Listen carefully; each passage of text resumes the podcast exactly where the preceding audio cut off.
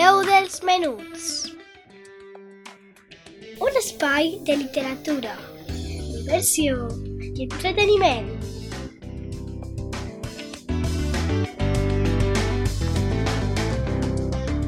Amb Laia Esteve.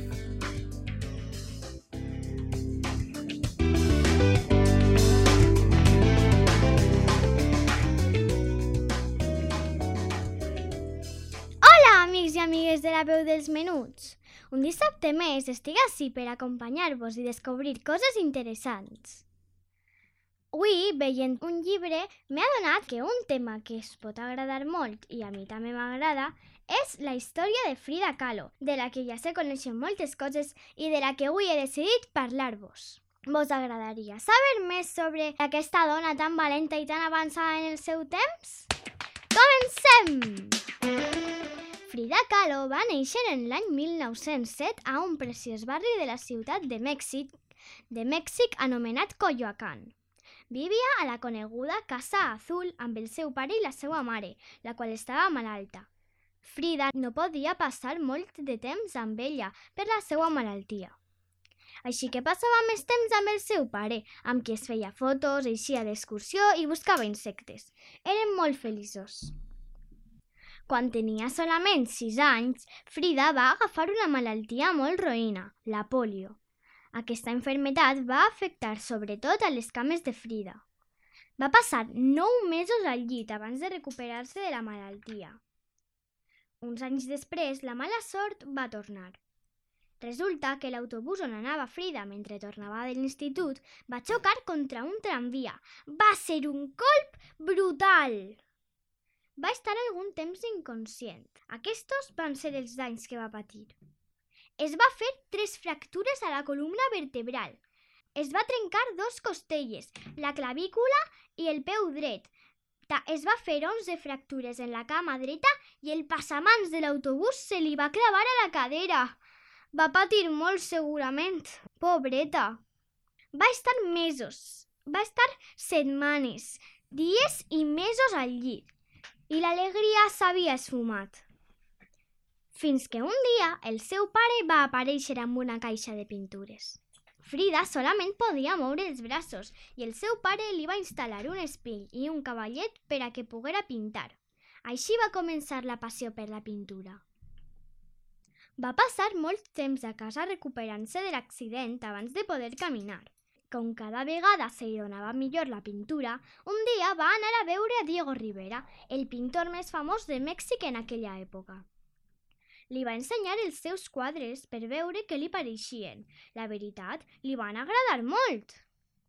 En aquella primera visita es van agradar, tant que es van acabar enamorant i casant. Amb l'ajuda de Diego Rivera va començar a mostrar alguns dels seus quadres en exposicions col·lectives. A poc a poc, la gent va començar a conèixer-la i tot el món volia veure els seus quadres. A més, la van invitar a exposar els seus quadres a París. Ara ja era Frida Kahlo, la gran pintora mexicana. L'any 1939, Frida Kahlo i Diego Rivera es van separar per a tornar-se a casar el 8 de desembre de 1940. Aquell dia era també l'aniversari de Diego. Que casualitat!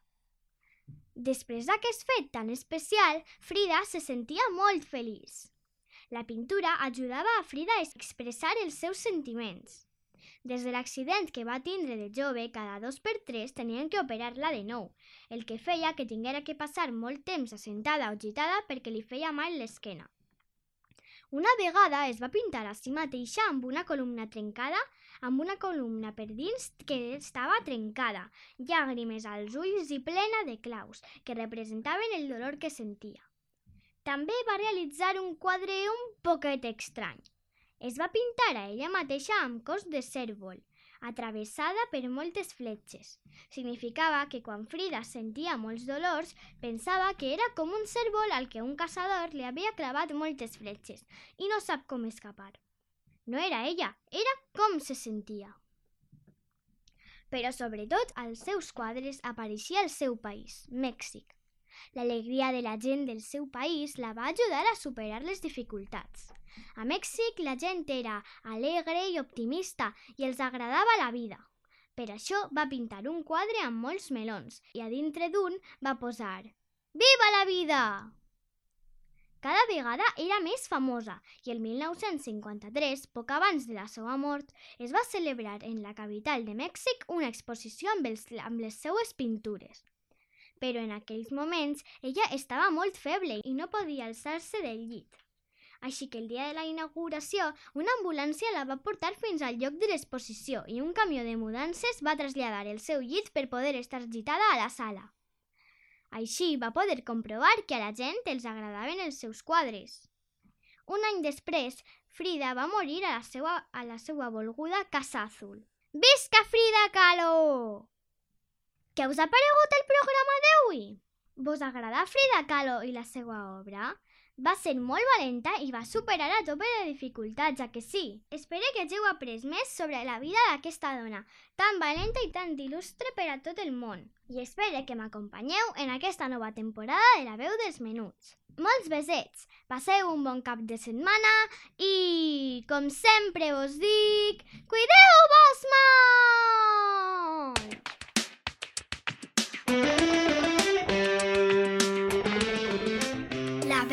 Dels menuts.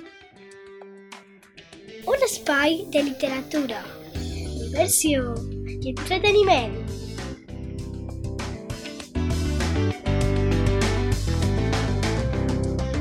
Amb Laia Esteve.